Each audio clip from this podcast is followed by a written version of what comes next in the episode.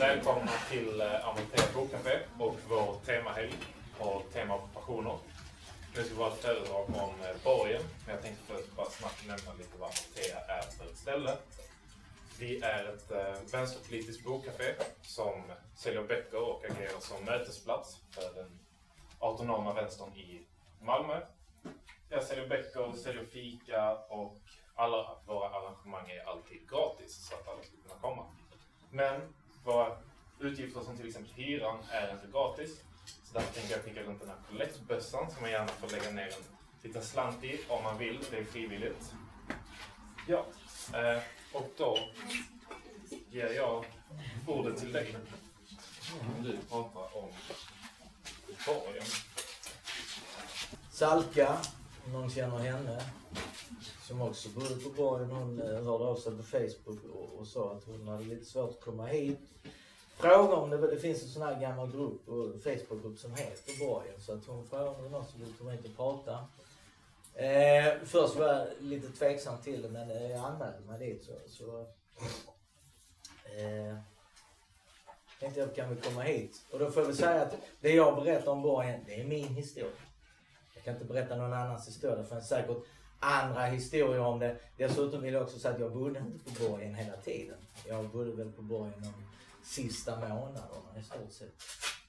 Eh, så ser det ut.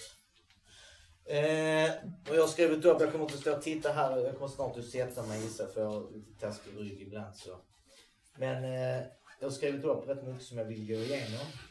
Eh, både sånt som är ren kuriosa och rariteter om borgen.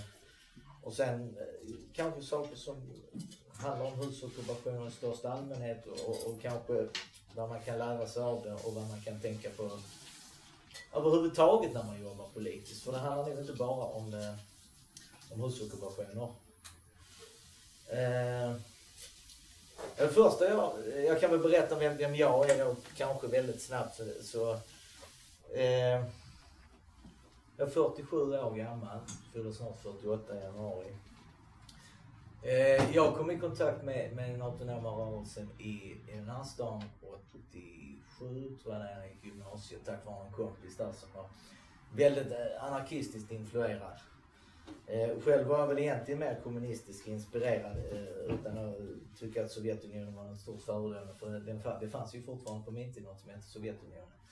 Eh, jag brukar bli utpekad på mina samhällskunskapslektioner av lärarinnan som Du rödingen i hörnet!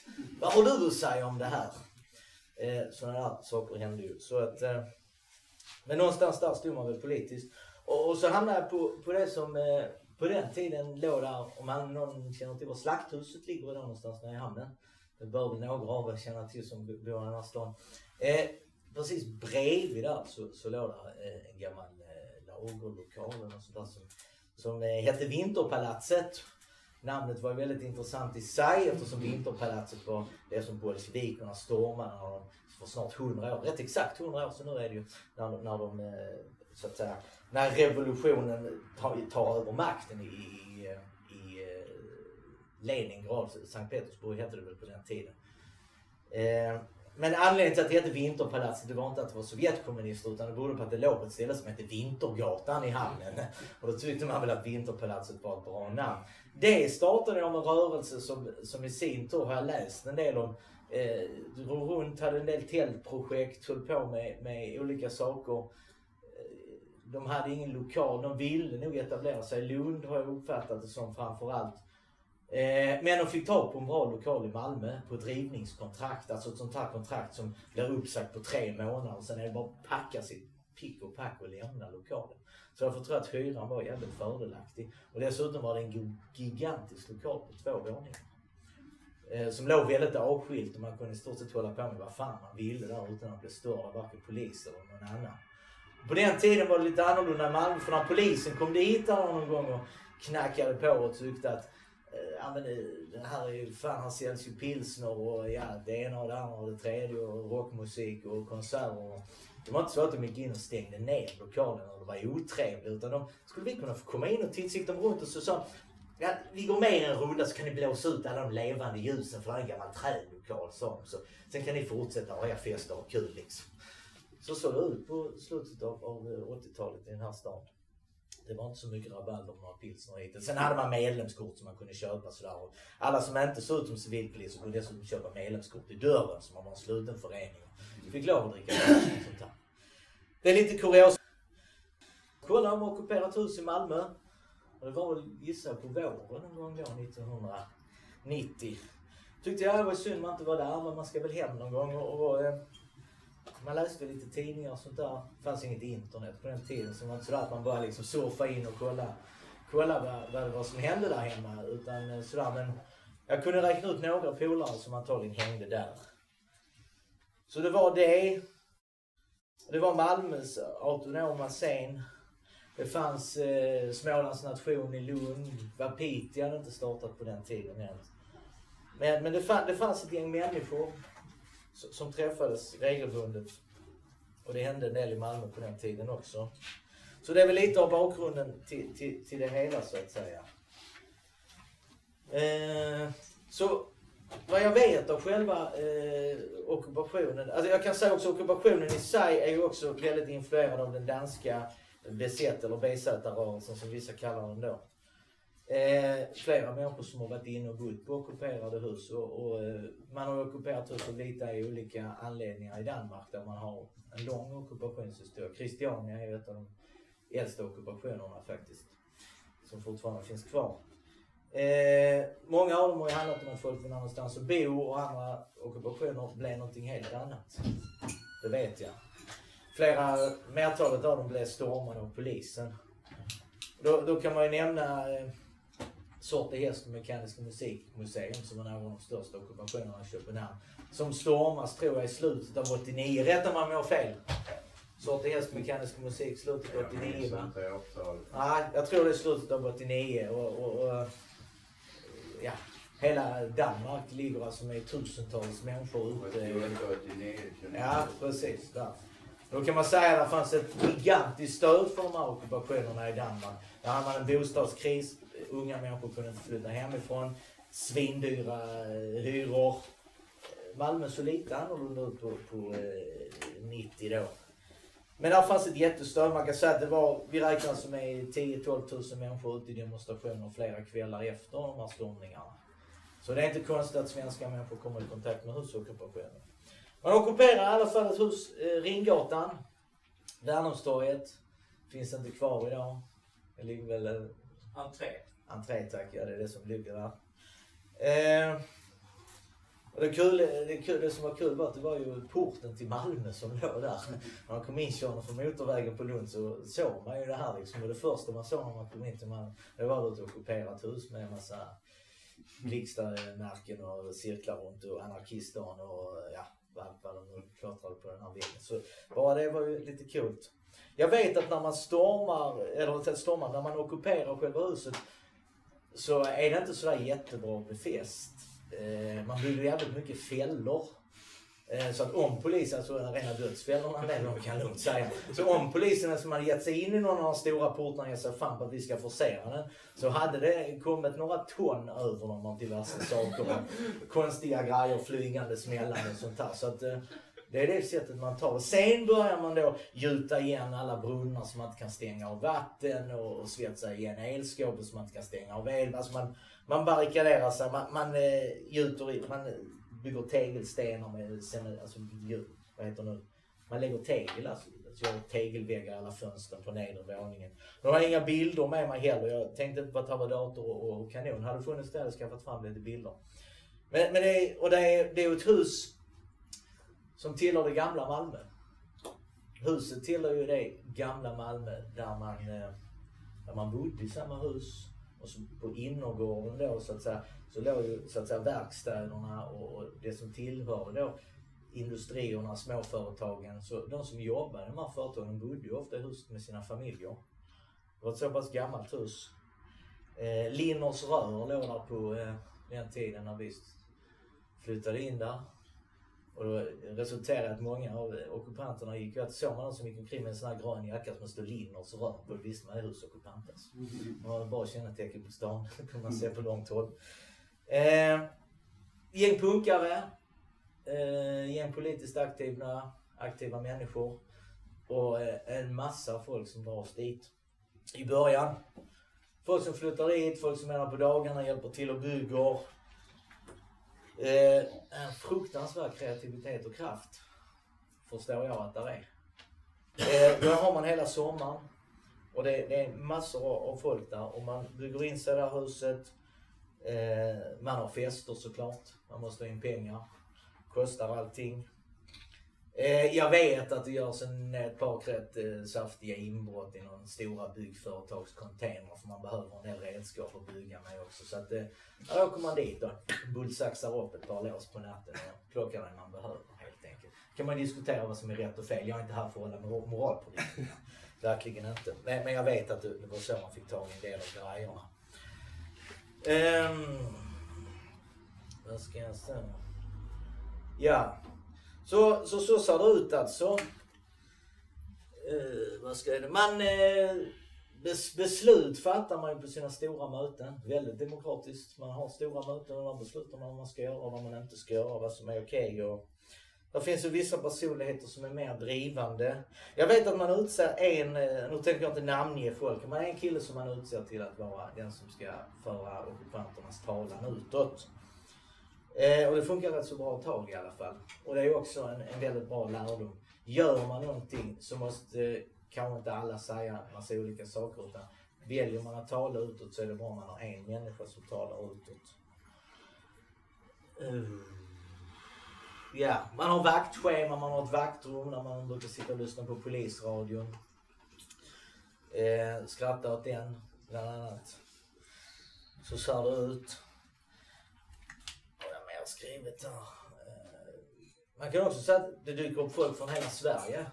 Ja, folk från eh, inte, inte så långt upp i Norrland, jag lyssnade på föredraget innan, men från Sundsvall har vi i alla fall några som dyker ner. Och från Stockholm och Göteborg har vi också en del folk. Eh, vi har en ockupation i Göteborg samtidigt. Tyskland och Danmark. Tack, och holländare och Oslofolk. Och det kommer alltså folk som... Det, vi kan ju säga att på den här tiden så är det alltså folk som reser runt och bor väldigt mycket på ockuperade hus. Eh, det, det, det, går i stort sett att, att leva så, man kan knäga sig fram emellan varven också. Men det är som det här som också bodde på borgen.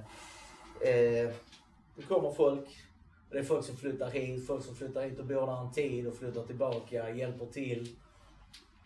Eh, så man har liksom en, en väldigt, sen har man en fast kärna av folk också som är där då så att säga. Eh, kan man säga. Och samtidigt har vi Färjenäs uppe i Göteborg som är ockuperat också. Det är några gamla villor ute någonstans i utkanten av Göteborg som är ockuperat under helt andra omständigheter. Det som, är, det som blir så kraftfullt med den här ockupationen det, det är ju att man går ut och är väldigt, för att vara på den tiden då, väldigt, väldigt våldsam. Eh, man sticker inte under stol med att här är det järnrör och molotovcocktail som gäller och rånarluvrarna när man ska ut och så vidare. Utan det är det man säger att vi, de, de människorna de står för det. De tar inte avstånd från det här. De säger att det här är vårt hus nu och vi tänker fan försvara det liksom. Annars hade inte brytt sig om att ta oss det. Man lämnar förslag utåt till, till kommunen om att helt enkelt bara få ta över det här huset. Och det är en sån här jävla rolig grej va. För ni vet när storfinansen kommer och behöver nya fabrikslokaler. Då står självklart Malmö kommun där och säljer hela jävla Kockumsområdet till Saab. Saab Scania-koncernen. De får köpa hela området för en jävla spänn vet ni va. Ockupanterna slår mynt av det här såklart och säger Vi bjuder det dubbla för det här sketna jävla gamla huset. Ni får två spänn av oss. Vi kan köpa, vi, köper, vi betalar dubbelt så mycket som Saab. Och de har jävla mycket mer pengar än vad vi har alltså. Men eh, kommunen, de tycker bara det där är trams. Eh, såklart. Och eh, man försöker förhandla med människor.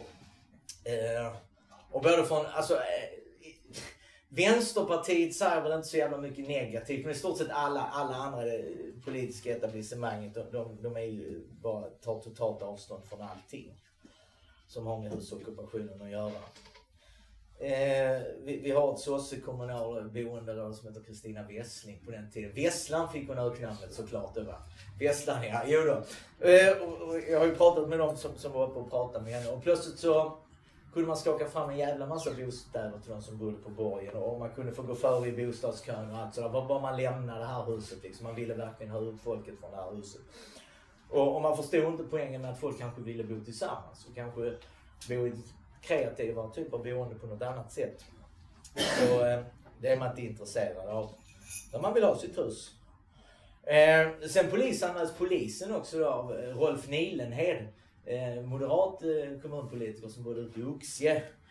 Eh, mycket eh, bisarr typ får vi säga. Eh, han eh, han åker dit som bankrånare några månader senare, eller ett år senare.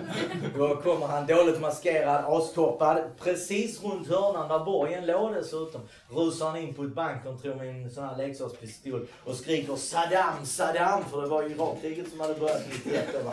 Och ska göra något coolt bankrån för han har ju sabbat sin personliga ekonomi. Och han blev liksom bara plockade rätt och snuten och inplockad.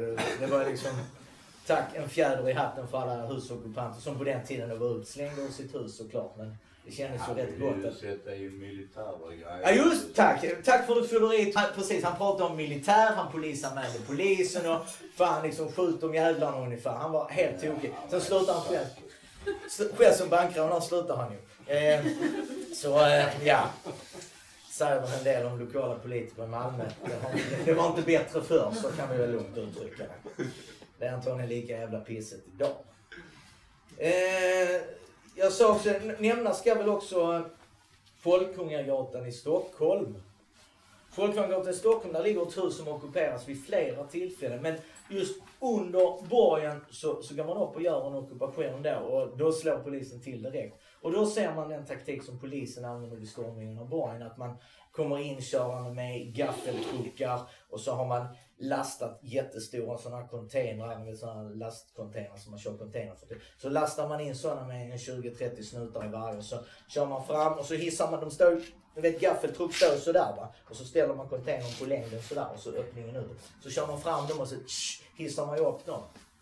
Från ena våningen gick inte att komma in på på borgen, inte på Folkungagatan heller. Va? Utan man hissar upp dem och så har man skaffat någon sån här specialvarianter från Tyskland som ungefär som ko, kofötter, ja. Så bara slår man till och så bara flyger hela fönsterrutorna in och sen stormar polisen in.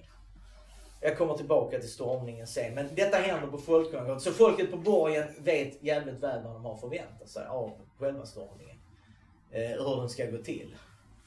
Och där kan man ju fråga sig då, ja men vad fan plöjde ni inte upp hela jävla gatan då och byggde liksom någon jävla jättebetongsuggor där så att de inte kunde köra dit?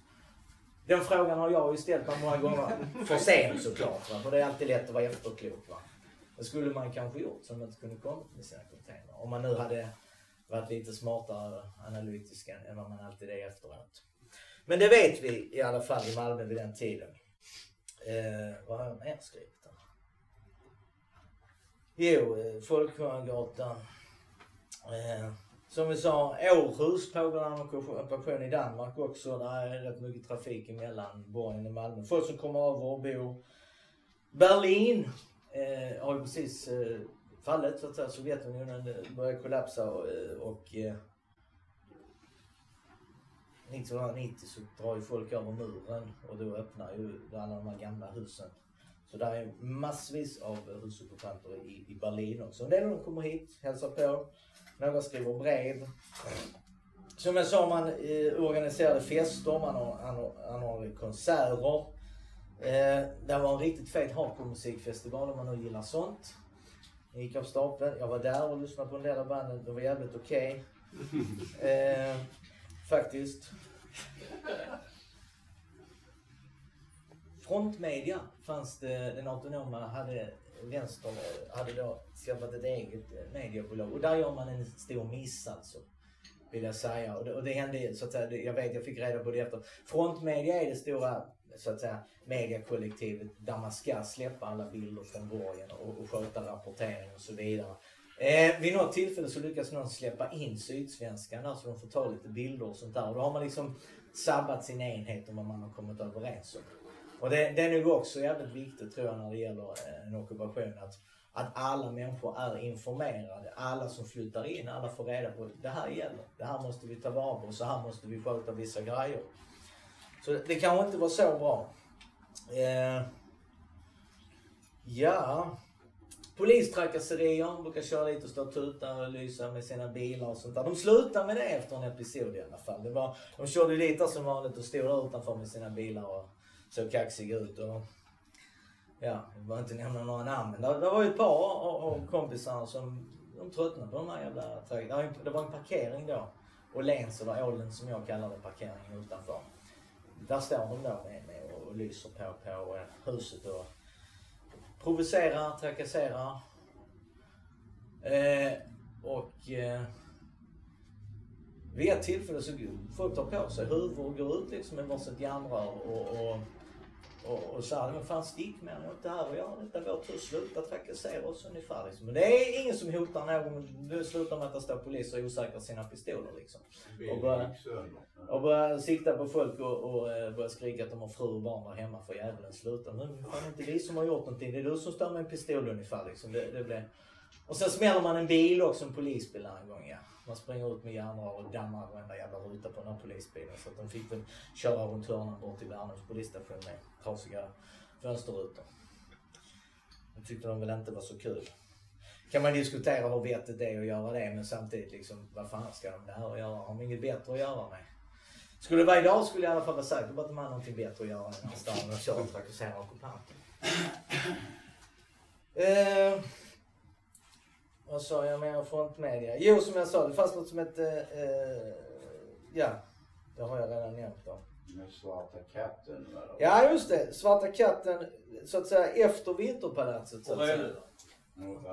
Ja, den kommer senare. Röd- Rödluvan kommer efter. Va? Men Svarta katten är istället på Bergsgatan. Jag vet inte riktigt var ligger i lokalerna. Men Svarta katten startar upp efter Vinterpalatset då. Och, och drar igång sin verksamhet. Det är samma folk från Vinterpalatset som då åker ut ifrån sitt gamla Vinterpalats. Och så startar de något som heter Svarta katt, Café Svarta katten som ligger på Bergsgatan. Och, och, och där hänger också mycket folk så att säga. Eh, ja. Eh, och eh, efter den här stormningen då, då, då är det det bor väldigt mycket folk nere på Svarta katten. Man sover över där på, på natten. Bredvid Svarta katten på den här tiden så ligger, eh, vad fan hette han, Hembryggan eller vad han hette. Det var, där- det var där man kunde köpa sådana allting, ni vet aktivt kol, allting utom själva hembränningsapparaten kunde man köpa där. Eh, av någon anledning så lyckades jag vid något tillfälle få tag på ett helt jävla flak med, med här ölsatser. Så skulle jag köpa grejer till, till, till brygga öl där hemma. Och då är jag inne och snackar med den här killen som har den här för Han berättar att efter stormningen så är det total jävla runt hela Svarta katten. Va? De är där och skruvar i väggarna och borrar i väggarna. Och uppenbarligen sätter de upp en totalt utan tillstånd en helt jävla olaglig avlyssningsapparat. Eh, och det var ju vad han påstod i alla fall. Jag menar, jag tror ju på honom så att eh, det var det. Så att där, där, man, man försöker hela tiden måla upp den här hotbilden av en massa farliga ockupanter. Och det kan man också nämna, när borgen blev ockuperad, då är det inte svenska ungdomar som har gjort den. För ni, vi är ju snälla vi som är svenskar väl och ni kanske inte alla som är svenskar. Men, utan det här var inhyrda proffsockupanter från eh, typ någon Bader Meinhof liknande variant som kom från Tyskland då. Det var man helt övertygad om först. Eh, vilket det ju inte var såklart. Eh, så kan man väl säga. Eh, ja, själva stormningen. När ligger den? Den ligger i oktober där någon gång. Ja, november. November, förlåt ja. 16 november. 16 november. Och, och eh, där är inte särskilt mycket folk på huset just eh, den kvällen. Jag var inte där. Flera andra som jag kände var borta. Man kommer dit, man, eh, man beter sig väl svinaktigt, polisen där. Man, man sparkar folk som ligger ner och, och man hittar på en i massa grejer. Enligt, enligt vad några påstår så, så går man också in och, och placerar in eh, påsar med eh, jag vet, amfetamin eller heroin eller vad det är. Så att man kan lägga in i rapporten om att det fanns tung narkotika i huset. Det, det är vad någon påstår. Alltså jag kan inte verifiera någonting men, men skulle definitivt inte förvåna mig heller. Uh, ja.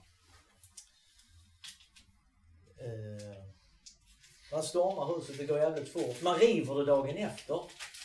Man är alltså så jävla paranoid för att folk ska ge sig tillbaka till det här huset. Så att jag tror inom 24 timmar som man påbörjat rivningen. Gävle med stort sett i arresten. Ja, i stort sett. Folk hinner alltså inte bli släppta från arresten förrän... Eh, en, en raritet var ju att det var en, en av eh, våra vänner som bodde där hans favoritskinnbrallor fick inte han på sig för han låg och sov när polisen kom. Så han går dit och bara rotar bland tegelstenarna så han hittar i alla fall sina skinnbrallor. Eh, Sådana här roliga anekdoter som finns. Eh, finns, må, finns många roliga historier där om vad som hände. Och, och man kan väl säga att människorna som bor där, det är väldigt mycket politiskt aktiva människor i, i början i alla fall har vi förstått. Eh, det drar till sig väldigt mycket människor. Eh, eh, vad var jag nu? Stormningen. Sen får man väl, eh, man kan väl ta upp och, och säga också, eh, narkotika är väl också någonting man måste på något sätt tala om. Det fanns, det röktes periodvis mycket, mycket hasch på borgen. Så kan man diskutera om det är bra eller dåligt. Varför folk väljer att göra det. Eh, då får man också se människor som kanske har levt i den här miljön i Danmark och på andra ställen. De kanske har ett annat sätt att se på saker. Som sagt, jag står inte här för att hålla något moraltal. Som sagt, man finansierar mycket verksamhet med stora fester, man sålde öl. Bland annat var det någon som, jag vet att någon gång var någon som fick ta på en båt, man åkte över till Danmark. Det var inte, vet på den tiden, det var sex starköl, en flaska vin och en flaska sprit från Danmark. Va? Det var inte EU. Vi måste tänka 1990 va. Så eh, när det plötsligt drällde in, jag vet inte, 30 backar dansk pilsner som man sålde i puben så tyckte jag det var det coolaste stället i Malmö att festa på. För här kunde man köpa dansk öl till fantastiska priser. Så man, man hade alltså en pub som man, som man körde där rätt så mycket. Där var allt möjligt folk. Där var såna här kulturnissar och snobberiare och allt, allt möjligt folk kunde man hitta där faktiskt. Va? Ja, och civilsnuten. Och civilpolisen såklart var också där och tittade. Det räknar vi kallt med. Eh, och man kan också säga något som var väldigt intressant och som man kan ha som lärdom. Det är att under själva stormningen så springer polisen vilse i det här jävla huset. Nej, nej, men alltså, de har ju såklart plockat ut ritningarna för hur huset ser ut. Och som vanligt så tror de att ockupanter är dumma i huvudet. Men det hade varit som jag sa innan, det hade varit en hardcore musikfestival.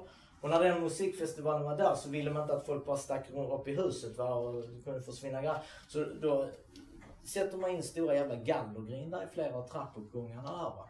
Och, och just den kvällen som, som man, eh, man får ju tips om att det eventuellt blir en stormning. Då låser man ju de här grindarna så när polisen kommer och vissa av de trapporna så är det bara shit, här kommer vi inte in. Och det där är något som är bra att veta va. Eh, de som ska ta sig in i huset de skaffar alltid vetskap om hur huset ser ut innan det blir ockuperat. Men hur man väljer att bygga om ett hus invändigt. Och det kan man som sagt göra på, på sätt genom att sätta in grindar, bygga olika former av stopp och så vidare. Eh, det, det är också intressant. Eh, jag kommer bland annat ihåg en kul ep ep episod. Min, min kusin eh, som bodde långt ute vid ett sånt här eh, eh, pansarövningsfält. Han kom in och han hade med sig sådana här stora jävla pansarskott som man stoppar in i stridsvagnarna. Sådana här eh, bombfodral dra va. Och de var vi jävligt snabba att slänga upp på taket på borgen. För vi tänkte när de flyger där och fotograferar med helikopter så kan de kan tro att vi har fixat till sådana stora jävla granater så vi kan släppa ner på polisen när de kommer. Jag vet inte om det funkar men antagligen har de ju sett dem för vi la ju dem klart och tydligt där på taket så att de skulle bli fotograferade i alla fall. Så lite skrämselpropaganda kan man ju köra med också. Nej, det kan man mer säga? Uh, Funka container. Jo, eh, det jag också tycker är viktigt då det är att eh, jag personligen tycker man inte det är så smart att man eh, sitter och röker cannabis på ett ockuperat hus. Utan jag tycker mer att Speciellt idag, va? nu pratar vi 90 innan man har börjat skära ner så jävla mycket i den här stan. Men idag hade jag ju sett att man har en fritidsgård va? Om man kan. Man, man har skateboardar, man har teater, man har replokaler, man har ateljéer och sånt där och hyr ut ställen. Och man måste jobba mycket mer på det sättet med en ockupation. Och man kan! Lokalerna tillåter och det finns plats och allt det här. Va? Och egentligen hade man nog den möjligheten på borgen. Och jag vet att allt det här diskuterades. Eh, det blev inte sådär jättemycket av det. Och, och det är väl tråkigt och synd. Jag vet att det var några band som repade där, som körde replokal där. Då körde man på nedanvåningen när ingen bodde i de här igenmurade husen och man hängde upp mattor då som ljuddämpade grejer. Va? Eh, och det är lite synd för att det där eh, handlar väldigt mycket om, om att ha, eh, ha ett folkligt stöd. Vi vet att när borgen ockuperades så var det massor av folk som kom dit och lämnade pengar, lämnade matkassar, som stödde den här ockupationen. Eh, det avtog ju allt eftersom och då måste man fråga sig varför gör man ockupationen? Gör man den bara för att man ska skaffa sig någonstans att bo? Eller gör man det för att man vill nå något högre syfte? Eh, hur vill man förhålla sig till sina grannar och folk omkring och allt det här? Och så ska man veta att man har hela tiden hela etablissemanget emot sig.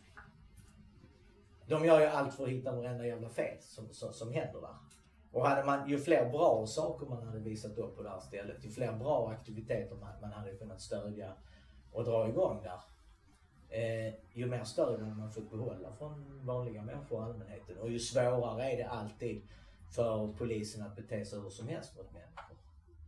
Eh, jag hade, vi hade besök av ett par folk från Oslo sa jag. Det kom ner folk och de har varit nere i Amsterdam och, och bott en tid på ett ockuperat hus. Och de berättade att där hade man ju helt och hållet övergett på det här huset taktiken att låsa in sig i ett hus. Utan så fort det, det, det blev dags att de visste att polisen, ofta så vet ju någon, det läcker ju alltid på något sätt att det är på väg att stormas. Då, då kallade man alltså in så jävla mycket folk från den här stan som möjligt och sen stod man helt enkelt utanför huset och ställde sig upp och försvarade. På det sättet man kan tänka sig att man försvarar ett hus, det får ni själv räkna ut, behöver inte gå på detaljerna kanske. Men, men man gjorde alltså det. Så man hade alltså en massrörelse utanför det här huset. Det är inte så lätt att bara börja flytta på en jävla massa människor. Va? Det, det, det kan man inte bara, speciellt inte människor som är villiga att försvara sig. Och det kan man också tänka på, det är, det är ett helt annat sätt. Så när de såg borgen så sa de, nej, nej, nej, nej, nej det, det, det är inte bra gjort det här. Ni ska ut på gatan och försvara sig, sa de. Och de började fundera på varför det. Så berättade de om Holland. Då krävs det också att man har ett nätverk som man snabbt kan mobilisera, att man har många människor. Och jag säger fortfarande, det fanns ingen Facebook. Det fanns inga liksom, schyssta mobiltelefoner liksom, utan det var till telefonkiosken och ringa man ska ta tag i folk. Så skulle man ockupera ett hus idag så får man tänka på vilka sätt kan man använda idag för att snabbt kalla samman folk. För att få folk eh, dit om man väljer att försvara ett hus på det sättet. Eh, där är ju ett par andra roliga exempel. Vet du vilket hus det var man grävde en stor tunnel på? När polisen kom dit så hade man bara lämnat huset i en tunnel och hoppat upp på ett i Köpenhamn. Va? I Köpenhamn. Ja, precis. ligger vid Stengärde. Ja. Eh, Det var också ett sätt att, att inse att den här striden kan vi inte vinna när men vi bara lämnar huset och så får de ta tillbaka det. Så det, det finns ju andra sätt än att strida för ett hus. Eh, om man får lov att bo där ett tag. Eh, det man kan säga efter borgen är att eh, i stort sett inga ockupationer låter man ju hålla på särskilt länge. Och då kan man ju tänka på det. Ja, ska man länge var den på borgen? Sammanlagt från start? Halvår. ungefär, ungefär ett halvår. Ja. Vi firade sex månader då på den hardcore-festen. Sen kom snuten helgen efter. Som Tack. eh, nej men det, det, det är rätt va. Och då kan man ju tänka på det, ska man visa att man har ockuperat ett hus? Det kanske går att ockupera ett hus inifrån. Och ta sig in någon hemlig väg och, och i så fall ockupera det inifrån så att det inte syns först från huset väl är befäst och så vidare. Det, det, allt det där bör man ju tänka på. Va? Eh, jag såg bland annat att jag spelade rugby på den tiden och en sån här annan rolig, rent personlig sak det var att precis dagen efter stormningen så hade man då i Malmö rugbyklubb på den här tiden, jag vet inte om man har kvar det, man hade över 30 möte under 30. Och jag spelade ju under 30 såklart, jag var 20 år på den här tiden. Och i över 30 så spelade jag ju en av de här eh, macho stora civils eller kampiga poliserna som hade varit med och stormat borgen då dygn innan. Eh, eller några dagar innan. Och, och han kom ju skrattande och, och, och leende fram till mig och sa Fan har de släppt ut dig? Sitter du inte inspärrad? Och tyckte det var jättekul. Eh, det tyckte inte jag. eh, dessutom så förlorade under 30 mot över 30 det året så det var ännu mindre roligt. Eh, men det har ju lite med andra saker att göra. Eh, det är väl ungefär vad jag har att, berätta om, eh, om borgen och husockupationer och vad jag kan säga. Men eh, jag vill prata lite till. Ni blir inte av med mig så jävla lätt. Eh, det roliga är ju egentligen det som händer efteråt i den här stan. Nu orkar jag inte förbi nu sätter mig. Eh, ja, vad, vad som händer sen är, är ju att det har samlats mycket folk i Malmö.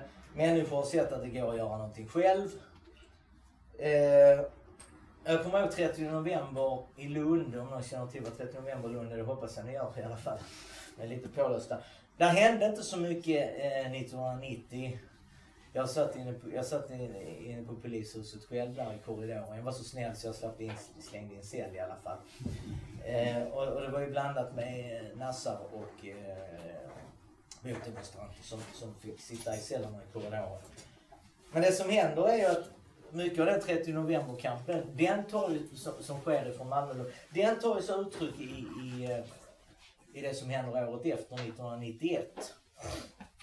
Eh, 30 november 1991, det, det är den gången som man som man för första gången på riktigt stoppar den här nassedelen. Det hade varit ett stopp för något år sedan innan då folk hade satt sig ner och blockerat vägen och man vände in och de fick stå och vänta i flera timmar så gick de väl till slut ändå eller hur det blev. Men, men den första stora eh, eh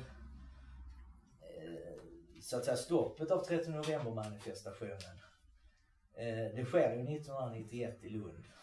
Och det är väl en direkt följd utav borgen för att det, plötsligt så var vår rörelse i Malmö så jävla mycket större. Vi var så mycket mer folk. Vi var fem, sex olika grupper som jobbade med huvudsakligen olika saker på den tiden. Och eh, vi satte oss ner och sa att ja, får vi fan ta mig stoppa dem. Och diskussionen hade åren innan varit väldigt mycket att ah, men vi, vi fixar det här själva, vi fixar det här själva. Och några, eh, jag och några till ska vi säga, eh, var jävligt trötta på, på att eh, vi fixar det här själv, för det gör vi inte. Men vi hade ju fått en massa vänner i Danmark och så vidare och där var man jävligt van vid att slåss med polisen på gatorna. Så vi åkte in till ungdomshuset i Köpenhamn. Blev inbjudna till ett möte och de skulle ha något stort eh, möte om något helt annat. Och så kom vi dit och så sa vi att ja, vi behöver er hjälp. Eh, vi vill inte ha några jävla marscher på våra gator. Vare sig det handlar om kungar eller nassar och vad fan man eh, kamouflerar så. Och, och, och då planerar man det här tillsammans och, och eh, man gör eh, den här blockaden av eh, Brevgatan i Lund, vad den heter. Det finns en sån här minnessten idag. Här skapades rasisten 13 november 1991. Jag har sett på någon bild i tidningen. Eh, det, man, det man helt enkelt gör då det är att man, man plockar in en, en jävla massa danska husockupanter. Det finns en massa svenska husockupanter plötsligt också. Eh, man samlar allt folk man kan helt enkelt och sen bara bestämmer man sig för att nu är det något liksom. Och så spärrar man av gatan. Eh, och det, det, vill jag punktera, det var jävligt klart uttalat den gången i alla fall att man kastar inte sten på polisen. Man kastar sten mot polisen. Om de sen väljer att gå in i stenregnet, det får vara deras jävla val. Det gör ingen normalt funtad människa som inte är tränad till att göra det och det var de inte. Så, så, så där lyckas man ju stoppa den. Sen blev det en jävla massa kravaller nere på Smålands. Eh, Eh, polisen började jaga alla som såg misstänkta ut så eh, skulle man på någon lack och läderfest den kvällen och eh, kom i svart långrock. då hade man ju fått riktigt med banknämnd på centralstationen. Fast man inte alls hade någonting med någon politisk rörelse att göra. Allt som gick i svarta, svarta kläder det, det bankade man skiten ur den kvällen. Helt jämlikt Men, men, men det händer alltså och eh, eh, det var rätt schysst när jag träffade den här polisen i rugbyklubben nästa gång därefter den gången. Då sa jag ju till honom ungefär att var du med i Lund? Fick du sten på dig? och, och då berättade han att ja, men det var ju eh, ett par hundar som hade, de hade fått avliva för man hade spottat lut med vattenpistoler och det, och det tyckte han var för jävligt och då tyckte jag också, jag sa till dem att det är inte så jävla dumma så ni, får, ni använder oskyldiga hundar som levande vapen så är det på ert ansvar, det tänker inte jag har vi ansvar för. Så, så eh, vi var vänner i övrigt han och jag liksom. Det går inte att spela rugby tillsammans som man är ovän. Vi hade lite olika politiska åsikter i alla fall. Så kan man säga. Eh, det kändes rätt schysst ändå. Eh, så det kan man väl säga. Där växer fram. Och sen växer ju Svarta katten går väl omkull där någon gång och sen bildas Café Rödluvan då istället som låg nere vid Sankt Knuts torg. Och, och där drar man också igång en massiv eh, aktivism i samband med det här.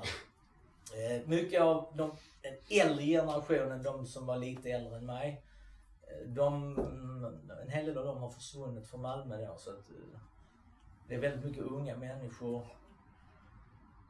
Vi är lite över 20 år, många av oss nu är väl uppemot 30. Det är massor av ungdomar på 17-18 som, som börjar hänga där. Eh, det som är intressant är att det är precis efter bank krisen så att säga. Du vet, Sveriges devalvering, Kalle Bildt förstör hela Sveriges ekonomi och hela den här skiten som händer då precis i, i början av 90-talet. Och då händer det som är, är jävligt intressant, det är att eh, man börjar slå sönder varenda jävla bankfönster i den här stan. Eh, där är alltså inte ett helt bankfönster i Malmö till slut och där skrivs inte en rad i en jävla tidning om det här. Man ska tiga ihjäl detta. Det här händer inte. Det som vi inte skriver om i våra stora fina tidningar, det har inte hänt till slut så börjar ju tidningarna skriva, för folk börjar skriva insändare. Vad fan är det som händer här liksom? Och, och det smälls rätt mycket bankrutor i Malmö kan jag säga. Det smälls en satans massa bankrutor i Malmö. Och, och, och, och där är ju folk, man skriver ju meddelanden till press och så vidare. Man säger liksom, ja men vad fan ska vi betala för dem liksom? Slå liksom åt helvete med dem. Och, och där gör man väl också en hel del misstag. Där har man en rörelse, man har en pågående process, men man har ingen som för talan utåt. Eh, man har definitivt inte klart för sig vad är nästa steg. När det inte finns fler bankfönster så sönder, vad ska man då göra? Sen kan man också diskutera hur konstruktivt är det att bara slå sönder saker? Eh, personligen hade jag velat se att man skapade något väldigt konstruktivt. Att man skapade ett karnevalståg eller någon jippo eller någon happening där man byggde upp saker istället. Slå sönder saker eh, och våld är väldigt, väldigt destruktivt. Jag säger inte att det alltid är fel, men man måste hela tiden tänka på balansen. Syns den autonoma rörelsen alltid utåt? som att ja, men det är de som kastar sten och förstör saker. Det, det blir inte så positivt. Tror jag. Eh, och det är väl någonting att tänka på. Gör man någonting bra liksom. Eh, intar man torget en söndag och bygger världens fetaste klätterställning till barnen. Eller? Alltså, ni vet. Ni, är med på vart jag vill komma hoppas jag. Eh, exakt vilken idé man ska göra det vet jag inte men det, det krävs mycket mer sån tank, sådana tankar. Eh, också för att göra bra saker. Eh, det händer också då och det, det blev rätt mycket rabalder i Malmö. Eh, det får också en jävla massa sympati bland vanliga människor. Det är så jävligt mycket människor som, som, som tycker att, ja men vad fan då, de här jävla bankerna, det är våra jävla pengar de har gått och svinat bort ju. Det finns ju en, en, en uppdämdhet, en, en irritation liksom. Och det, man missar alltså en stor sympati till det här liksom. Man, man slår sönder rutan. Hur många demonstrationer såg vi mot bankerna? Nästan inga alls. Va? Eh, man måste försöka tänka steget längre när man håller på med de här sakerna. Tror jag. Prata pratar bara för mig själv fortfarande. En del av bankfönsterförstörandet var väl i samband med demonstrationer som dessutom inte riktigt handlade specifikt om det ekonomiska. Nej precis, där, där, där hände rätt mycket. Där dök upp en eh, rätt suspekt elitistisk rörelse där som började dra igång en massa eh, elevdemonstrationer i Malmö och sånt där som, som kanske inte riktigt gynnade någon heller. I det långa loppet i alla fall. Eh, och jag tror att de, de som verkligen så att säga tillhör den autonoma rörelsen, de fick inte föra sin talan. Utan det var andra människor då som gick ut och förde talan som kanske inte direkt var involverade i detta men som gärna ville synas och, och, och blev det. Va? Och det måste man tänka på. För man inte sin egen talan så kan någon annan börja föra ens talan utåt. Va? Och, och det är inte så bra. Så det, det, tror jag också man ska tänka på. Eh, sen kan man väl ungefär gå till, till eh, 92. Då har vi en ny 30 november-rörelse. Eh, så att säga nassarna ska få tillstånd igen och demonstrera. Eh, och vi sätter oss ner igen och, och snackar igenom saker och alla inser att det går liksom inte att plocka hit eh, 200 danskar i år liksom. Det kommer inte att funka. Och polisen är på hugget. Polisen vill slå tillbaka. Det visste vi. Eh, de hatade oss. Eh, och det enda liksom vettiga man kommer på, det är just det jag pratade innan. En stor jävla massrörelse egentligen va. Och vi vet att det kommer att komma en jävla massa folk till 30 november demonstrationen. Så det vi bestämmer oss för det, det är ju faktiskt att ja, men vi ställer oss på nere på den här jävla Bredgården så blockerar vi hela jävla ingången till de här eh, till Katedralskolan. Så de kan inte komma in där de ska gå in nassarna. Då kan inte de gå sin match. Då snor vi liksom deras färdväg för dem. Eh, och det blir lite tumult på de här planeringsmötena. Det är lite kul. Eh, SAC, eh, eller några drivande människor i SAC vill jag säga, de var väldigt emot allt vad våldshantering heter. Och det var det bästa som har hänt att de var det. För då kom vi ju på att, men vad fan, vi sätter er längst fram i demonstrationståget. Så bara fortsätter ni gå. Och så bara stannar vi resten av hela jävla tåget där mitt i gatan. Så, så att det var inte vi som var så jävla smarta. Det var ju tack vare SAC som deras sätt att se på sakerna. Så vi går den där marken när vi kommer till Katedralskolan så vi hittar med en sån här jättestor eh, trägrej uppspänd som man kunde hålla framför sig med massa påsydda banderoller. Så där såg det ut som. Och eh, plötsligt så bara går alla poliserna vidare, de som inte är framme. För de flesta gick ju framme vid sidan och de bara marscherar på där som några jävla eh, ni vet sådana tennsoldater, sådana uppdrag bara så, ja, ni vet julafton här, di, di, di, di, di. Så, så de bara vandrar vidare, så bara stannar hela jävla demon liksom. Och, och, och, och sen har ju folk intat gatan och gatstenarna åker upp och liksom, vi är där. Och där var en jävligt stor kritisk punkt, för då är ju frågan, kommer människor att stanna kvar i den här demonstrationen och kommer folk att gå därifrån? Och nästan alla stannade kvar. Och det är svinkallt, det brukar det vara på 30 november. Så man börjar sjunga alla vi som inte hoppar, vi är rasister och bla bla bla. Och polisen bara står där liksom och vet ju inte vad de ska göra. Tills vi får då budet att, att eh, de har ställt in all demonstrationen för demonstrationstiden är ute. Och det var rätt kul för han den där polisen som kom fram och sa det där. Jag såg när han kom fram och, och meddelade det till, till, till en av mina vänner. Han såg jävligt glad och lättad ut. Liksom, oh, fan vad skönt vi slipper den här skiten.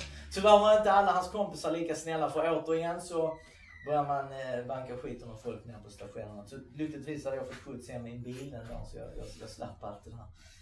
Eh, men men de, de, de två sakerna sker liksom åren direkt efter borgen. Man har en jättestark rörelse i Malmö. Jag tror eh, autonoma rörelsen i Malmö, jag tror det är första maj 92 eller 93, var ett jävligt stort tåg helt enkelt. Eh, som man också bara låter gå trots att man saknar demonstrationstillstånd och allt det. det, det de, de fick bara gå liksom. Det är bättre att låta dem gå och slippa en massa bråk. Så, så, det, det var jävligt trevligt eh, att det var så. Sen vet jag att idag är man mycket mer korrekt, man är mycket hårdare, man slår ner på saker direkt. Eh, ja. Sen vet jag inte för att eh, en hel del av den här rörelsen runt Rödluvan, där, där, där händer alltså mycket. Där sker aktivism. Eh, jag själv går med i kommunistiska partiet på den tiden. Som sagt, jag var kommunist från början. Jag blev utslängd ur kommunistiska partiet rätt snart också. För att, eh, jag hade väl lite för frihetliga idéer kanske för att eh, passa där. Jag jobbade väldigt mycket med något som heter Kurdistangruppen i Malmö. Jag var själv nere i, i Kurdistan och fotograferade en massaker. Eh, och var rätt kvaddad i huvudet när jag kom hem så att säga. Och, och, och därefter det så tar ju mycket av min politiska engagemang slut helt enkelt. Och, och eh, som sagt, jag går rakt in i dimman. Den varar några år och sen lyckas jag ta mig ur den några år och sen, eh, sen hamnar jag överallt annat i, i Spanien och i Afrika och så vidare. Och sen, eh, som sagt, det är en år sen jag hem. Och sen dess har jag levt mitt liv som jag har valt att leva det idag. Eh, så jag har också levt ett rätt konst, konstigt liv. Det har kostat en hel del att vara revolutionär vill jag säga. Jag ångrar inte en minut av det. Eh, det ska man inte göra. Det som händer med rörelsen, vad jag förstår, det är att eh, man börjar locka med pengar. Eh, där sker splittringar då. Så fort man, man börjar prata om att det ska fås pengar till olika projekt och grejer, då lyckas man splittra eh, mycket av rörelsen. Då pratar vi 92, 93 där någon gång. Då, då, då lyckas man splittra upp den då från kommunalt håll genom att börja prata om pengar. Där blev aldrig några pengar, men rörelsen blev jävligt oenig. Det var massor av bråk. Vad som sen händer i, i Malmö, det, det får jag låta vara osagt, men eh, den autonoma rörelsen växte väldigt, väldigt mycket tack vare borgen. Eh, det vill jag också påstå. Att den är en, en direkt, så att säga, följd av, av att borgen fanns här. Eh, och jag är jätteglad att det är så många människor här och lyssnar. Det är inte så många men jag tycker ändå det är roligt att det är i alla fall bara två, tre stycken. Eh, och jag hoppas alla fortsätter kämpa på sitt sätt, på, på det bästa sättet de kan. Eh, själv är jag tvåbarnsfar idag och diskuterar jättemycket politik. Eh, försöker på något sätt bli lite intresserad och försöka ta mig tillbaka någonstans och göra någonting. Jag kanske inte orkar göra det jag gjorde förr men det är, det är en tid man saknar i sitt liv. Och som någon sa, det stormiga 90-talet med punk och eh, allt som var. Det, det, det, var. det var en jävligt stormig tid i ens liv. Eh, det var fruktansvärt roligt. Eh, en del av de vännerna från den tiden, de är, de är vänner i nu liksom. Och, och har man av sig till någon någon gång man ska någonstans så man blir hembjuden direkt till dem. Och, liksom man, man har ett band till vissa av de här människorna som, som liksom inte går att bryta efter 15 år, efter 20 år. Det finns kvar. Man har varit igenom någonting stort tillsammans. Liksom. Så känns det. Och det är, det är mer som förenar än som splittrar. Och det är så det ska vara. Eh, ja, jag vet inte hur länge jag på babbla här. Eh, men 40, ja, snart en timme. Jaha, ja, det var väl bra. Eh, Jag vet inte om det är någon som var med i Örjan om ni vill tillägga någonting som jag har missat som är viktigt om Borgen. Jag tror du själv sa att du ville prata en del om propagandakriget. Typ så, som Ja, jag har nämnt det lite Du nämnde det lite, Ja. men väldigt lite. Ti- Har du Tidningarnas, att utveckla det lite? ja, kanske ti- tidningarnas propagandakrig, eh, kommunalrådens propagandakrig. Man trycker hela tiden på att det är, det är olagligt. Eh, det- där, där är liksom hela tiden det här som är viktigt. Man hetsar väldigt mycket i tidningarna mot eh, borgen också, ockupationen. Det bygger in med det här med just med frontmedia och att det var ganska olämpligt att ta dit Sydsvenskan. Ja, jo, där, där, där händer mycket sånt. Och det, det är också när man sen går in och, och, och fotograferar bilder och släpper sånt där så släpper man bilder på något gammalt rum där folk har slängt in sitt skit och så satte man en bild där i Sydsvenskan. Så här bodde ockupanterna. Liksom. Ja, kanske inte riktigt ungefär.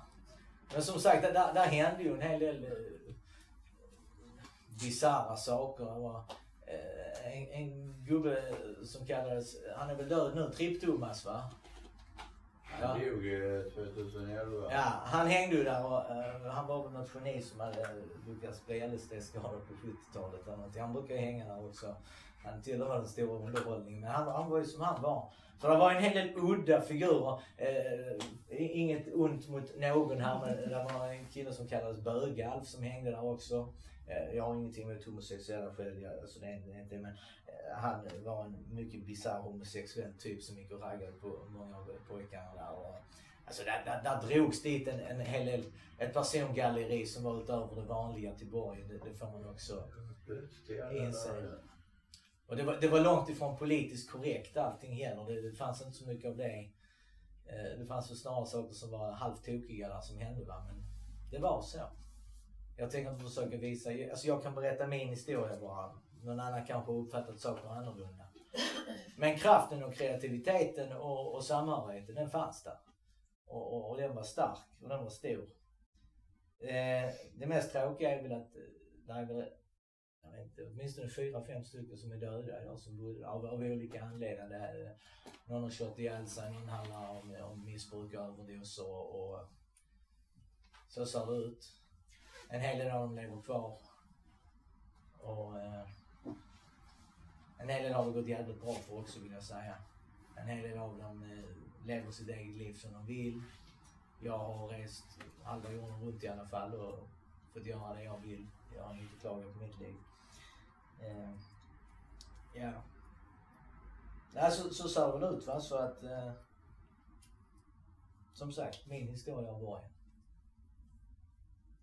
Och så ska ni ställa frågor. Jag har en till. Jag fortsätter med propagandakriget. Vad Jaha. hände efter Sydsvenskan kom dit? Jag vet inte exakt men där, där blev också en schism mellan frontmedia. Folk blev jävligt lacka då för att man hade släppt in eh, Sydsvenskan där. Eh, och sen var det andra människor. Borgen förekom ju eh, i Hönkels fotoutställning på eh, Malmö konsthall. Konsthallschefen som var vänstermänniska. Han lät dem göra en massa bilder där och där blev ett jävla rabalder för när var någon bilder på molotovcocktails och så vidare. Så att där, där skedde en del rabalder där också. Men, men jag vet att eh, det var så det såg ut. Hon hade akting med polisbevakning på sin lägenhet ute i skottstaden i två veckor efter stormningen av borgen. Liksom. De lyckades hasa upp det rätt bra att, det var far, att vi var farliga människor. Vi var inte farliga människor. Vi var beredda att försvara ett hus. Farligare än så var vi inte. Eh, jaha. Ni har inga frågor? Ja, fråga på bara. Eh, ja, alltså jag tänkte hur gick själva vräkningen till, alltså när polisen kom? Stormningen var ju att det hade ju kommit in ett tips att, att det var på gång att hända då. Eh, och eh, de kom ju körande från, om du vet var Värnums polisstation ligger. Den ligger ju kvar uppe bakom AG Favörhuset eller vad det heter. Mm. Vi Varuhuset. satt och väntade på dem hela natten. Ni satt och väntade. De kom väl, vad fan dags kom de? Fyra, halv fem på morgonen va? Typ när alla typ hade gett upp och skulle gå och lägga sig. Ja. Så folk var beredda. kom de med tre sådana gaffeltruckar med container. Det gick blixtsnabbt. Mm. det är, Drog upp med tre fönster och sen bara slog de sig in så var det plötsligt 60 snuttar i huset. Som Då sprang hade runt. de fått ny utrustning för en miljon och de hade tränat i ett halvår på någon jävla byggnad Just det. Ja, Så det där var väl inne. det var eh, jävligt välplanerat. Sen fick man ligga där. Jag låg i en vattenpöl i tre timmar med strips runt. Alltså, Handlederna ja. handleder och fötter var helt stripsade i bara t-shirt och underbyxor. Jag hade precis gått och lagt mig. Jag bara ser den här containern komma rätt in i min fönster. Och springer ner på gården. Var det samma rum där du bodde granne med mig eller? Jag bodde på tredje våningen. Ja, men vi bodde ju grannar där också. Eh. Rummen bredvid varandra. Nej men det, det, det, det, det, det Men stämmer. det folk fick riktigt duktigt med spöda. Nå, något som ska... blev tagna ensamma i eh, rum liksom utan vittnen. De var Ja, ja, precis. Vi, vissa var eh, riktigt, riktigt. Sen kan man ju tillägga, vad hände sen? Jo, det blev ju en rättegång. Men man, man insåg ju att det var inte lönt att köra någon rättegång. Hälften av folket dök inte upp. Eh, Och den halvan som dök upp, den var så betalningssvaga så var inte lönt dem några böter ens. Det blev liksom, man blev väl dömd ungefär. Va? Och sen vill jag tillägga, eh, där är klara vittnen på att det förekommer eh, poliser som pratar andra språk. Det var både danska och tyska Ja, precis. Danska och tyska har man hört. i svenska uniformer. i svensk uniform. Vilket ju är... Det är inte enligt deras regelbok i alla fall. Har du frågor ja? Ja, jag undrar, för ni, ni följer liksom ganska typisk taktik liksom i Danmark, Tyskland. Men varför gör ni inte en demonstration efteråt? Det var det. ju- Jo det var det. Det var en demonstration dagen efter. Det direkt när vi kom ut så gick vi till huset och då var det bara ruiner. Ja. Sen gick vi upp. Alltså bor bara va? Ja, mycket snyltar och Ja. Och sen var vi rätt överens om att det är nog det fetaste stället man har bott på hela sitt liv i alla fall. Det är, det, det, det är nog rätt. Eh, Jag vet inte om det var tydligt början, men alltså syftet med ockupationen, var det boende eller var det aktivitetshus? Eller det Det vet jag faktiskt inte. Ja. Jag kan inte svara på varför man, man, man eh, har det. Men jag vet att det är mycket folk som är eh, mer politiska. Jag vet också att det är en hel del av eh, hardcore-punkarna som eh, är med där från början och, och Alltså det var ju både, både Ja. boende och att vi ville ha något kollektivt och något ställe för oss liksom, en fristad. Mm. Och jag var sagt- väl ganska inspirerad av ungdomshuset. Ja, precis. Hängde mycket där inne och fick mycket idéer. Sånt skulle vi haft i Malmö tänkte man. Ja. Sen, sen, sen kan man ju säga som läget ser ut idag så jag säger husockupationer enbart för boende. Ja men titta hur fan det ser ut idag på bostadsmarknaden. Eh, det ser ju helt för jävligt ut ju. Det är ju snart som man kallas vänsterextremist om man tycker att eh, kommunen ska ha ett kommunalt bostadsbolag som jobbar för att se till folks boende och inte göra vinst va. Alltså det, det är fruktansvärt det som håller på att hända. Om man ser på bara på bostäder va. Det finns ju inte en jävla kommun kvar som har liksom allmän, det som hette allmännytta förr i tiden. Det skulle vara till för att vara nyttigt för alla människor liksom. Hålla nere hyrorna, ge folk som av någon anledning inte kunde få en bostad någon annanstans en bostad. Det, det, det, det finns ju inte längre va. Och eh, det fanns ju i alla fall kvar en del av det, det tänket och det fanns väl fortfarande där på början på 90-talet. Det avskaffades väl en tid efter. Eh, och då, rent personligt så tycker jag att det är EU som är den största boven i allting. Det var ett EU-direktiv att det inte ska få finnas några Jag ockuperade skulle nog hus. påstå den nyliberala idén som sådan. Ja tack så mycket. det hela har ju att göra med Såklart. Men, men i, EU, i EU sätts också agendan att där ska inte få lov att finnas några ockuperade hus. Det är alltså ännu uppe på den nivån där som det beslutas. Så de hus som fanns, de antingen legaliserades de eller så stormades de. Och jag vet vi var nere i Ber- Berlin då eh, Du var i efter. Hamburg på ett möte om just det. Ja, jag var nere i Berlin året efter och då, eh, då har man börjat storma hus där så in i helvete. va. Ja, de står eller legaliserat. Så det var antingen blev man stormad eller blev man legaliserad. Så det, det, det var det valet. De hamnade i. Men det var så uppe på EU-nivå beslutades att så här ska det vara. Så här ska det inte vara. Fler frågor? Ja, du sa att du ville prata mycket om de politiska analyserna. Fast det, det kanske du redan tycker att du har gjort, så då ska jag... inte- Ja, det tycker jag att jag har gjort. Ja, då skiter vi i det då. Alla var emot oss. I stort sett alla var Nej men det, fann, det fanns väl en del sympati. Men det, Ja, det var många som Det fanns många vanliga människor som sympatiserade med det. Det fanns, det fanns många vanliga människor som... Min morsa var lite stolt att jag var med för Industrin. Nej men det fanns det ju så att säga. Och som, och som sagt just det här att det, det samlade så mycket folk både från... fullt med hur mycket så, spisar och verktyg och Ja. matpåsar och folk som gillar civil olydnad. Det var många som gillade oss. Då bildades väl ett, par kollektiv efteråt också. Jag vet inte hur det låg till Danmark efter. Ja men jag, jag vet, eh, det bildades något ute på landet bildades det och sen bildades det så folk liksom ändå lyckades gruppera ihop och sen bildades fler kollektiv i stan efteråt också. Eh, där man hyrde in sig i alla fall. Jag vet hur man, man köpte någon hus på landet, folk valde att, Ja. att bo tillsammans fortfarande. Så att jag menar, tankarna om att dela på saker och hjälpas åt har ju funnits kvar. Och, det är väl en viktig tanke, att inte ge upp. Nej. Nej, är det inte fler frågor? Alltså ni får gärna, om, om jag är kvar, ni får gärna komma ni på något eller ni kan inte sitta här och basunera ut mer fantastiska frågor. Är det pinsamt så prata med mig sen efteråt. Jag är väl här en liten stund till och delar lite mer kaffe. Jag får gratis kaffe här. det, det, det, det är schysst ju. Så eh, fråga gärna. Jag är kvar här. Om det är något annat. Och, och eh, tack för att jag fick komma hit. Det, det var riktigt kul att vara här och prata om. Eh, det var liksom några saker som dök upp nu som jag faktiskt hade glömt också. Så att det, det, det var skoj. Jag kan säga att man började trycka några nya tidningar. Vad fan, vad fan hette de? Jag kommer inte ihåg. Eh, det var några, par tjejer och några till. De satte igång ett tryckerikollektiv. Så att det, där hände mycket saker. Jag kan inte komma ihåg allt. Det varit nog inte hade med frontmedia att göra. Nej, det var inte från man satte igång en ny tidning och det efteråt. Så att det hände väldigt mycket. Det var ett jättereportage i Brand också vet jag om, om borgen då. Och, eh, och folk då som bodde, bodde på Folkungagatan, de kom kom ner och bodde hos oss i Malmö också. Så att det var mycket som, som, som hände där.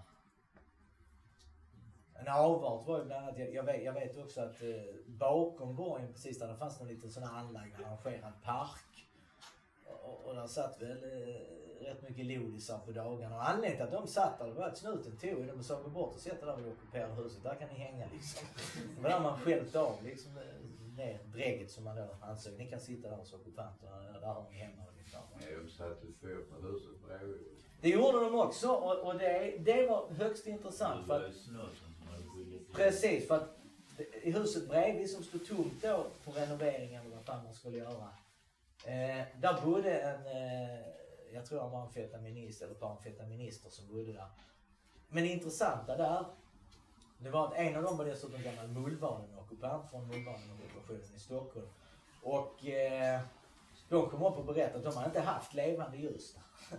Så brandorsaken i det huset var att ett levande ljus hade tagit eld. Och Dessutom hade de sett polisen var inne och springa i. Så vi tror, eller många av oss trodde att polisen hade varit där och tänt eld några veckor innan. För att se vad som hände i vårt hus. Vi har alltså kunnat slå sig in och försökt ta sig in på gården med hjälp av brandkåren. Ja, Då fick de lite sten. ja. Så var det. Ja, vi, vi hade en egen kamp, vi hade en kampsportsförening och tränade. Och, alltså det, det, det hände så jävla mycket grejer runt omkring vill jag säga också. Jag- Ja, det var mycket. Det var mycket och det var jävligt kul. fulltidsjobb. Ja, fulltidsjobb. absolut. Bästa tiden i mitt liv. Kan bara instämma. Nej, jag tackar för mig då. Det var jättekul.